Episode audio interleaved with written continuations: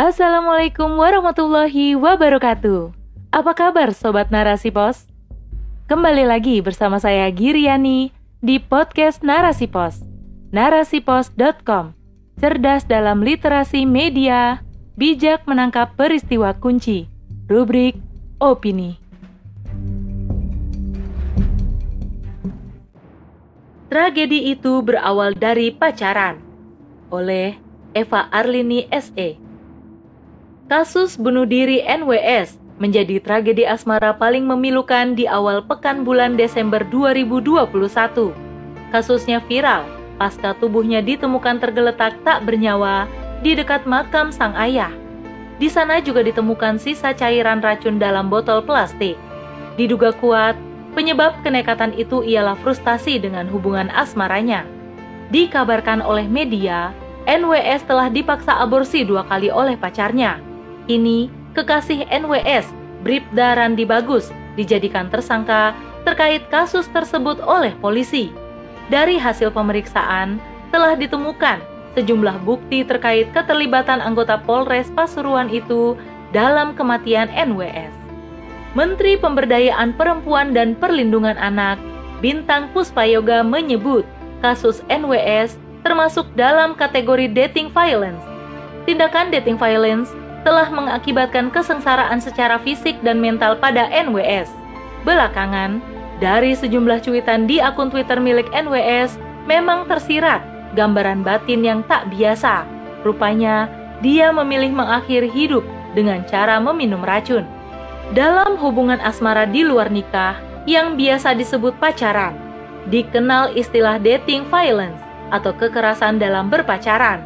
Dikutip dari Woman Health oleh suara.com, dating violence adalah sebentuk pelecehan fisik, seksual, emosional, atau verbal yang dilakukan seseorang pada pacarnya.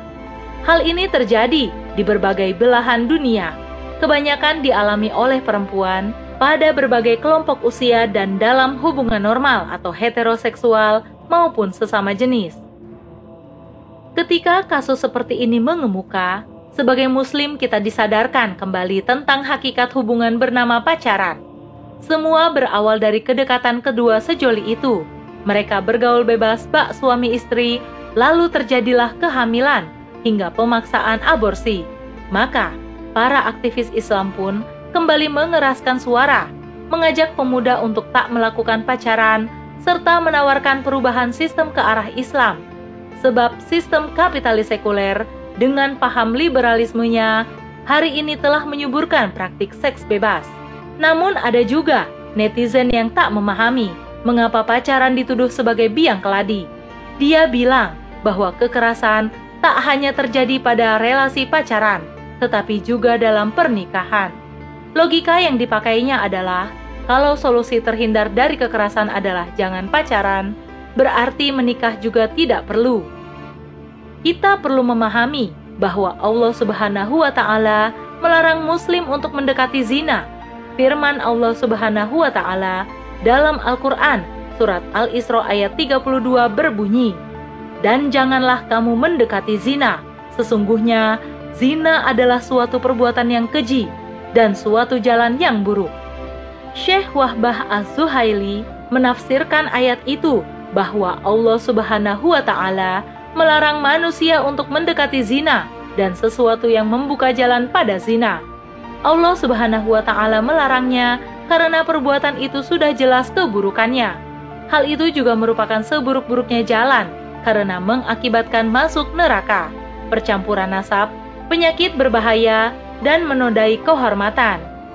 Aktivitas yang dilakukan dalam hubungan pacaran termasuk ke dalam praktik membuka jalan menuju zina. Untuk itulah, pacaran tak seharusnya dilakukan. Sebaliknya, Allah Subhanahu wa Ta'ala menjadikan pernikahan sebagai jalan yang baik untuk menyalurkan hasrat seksual, meneruskan keturunan, serta membangun sebuah keluarga.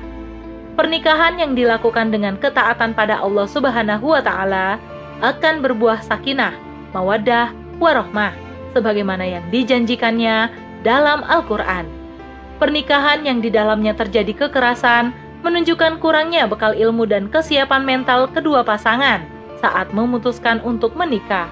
Lagi pula, kebanyakan pasangan suami istri yang bermasalah mengawali perkenalan dan pendekatan keduanya dengan pacaran. Lagi-lagi, pacaran bukan cara yang baik dan benar sebagai proses untuk menyatukan dua insan. Maka keliru jika ada yang menyamakan pacaran dengan pernikahan karena di dalam keduanya ada tindak kekerasan.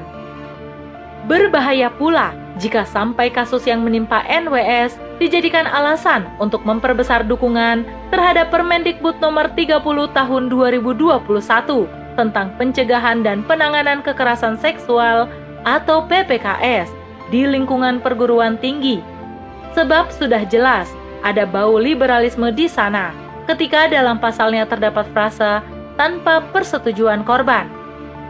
Sama berbahayanya jika kasus ini dijadikan alasan mendesak pengesahan rancangan undang-undang atau RUU Tindak Pidana Kekerasan Seksual atau TPKS. RUU yang banyak dikritik kalangan umat Islam ini karena kelak hanya akan menghasilkan masalah baru. Solusi liberal tidak akan pernah menuntaskan masalah. Islam adalah rahmat bagi kehidupan manusia dan alam semesta. Islam akan membawa kebaikan pada dunia jika dijalankan secara sempurna. Islam memiliki sistem pergaulan yang akan memperbaiki tata pergaulan hari ini. Tidak ada tempat bagi nilai liberal dalam Islam. Pergaulan Islam menjamin terjaganya kehormatan perempuan dan terlindunginya manusia dari tindakan kotor perzinaan segala pintu menuju perzinaan seperti pacaran akan ditutup rapat. Bisa kita bayangkan betapa indahnya hidup dalam naungan syariat dan khilafah.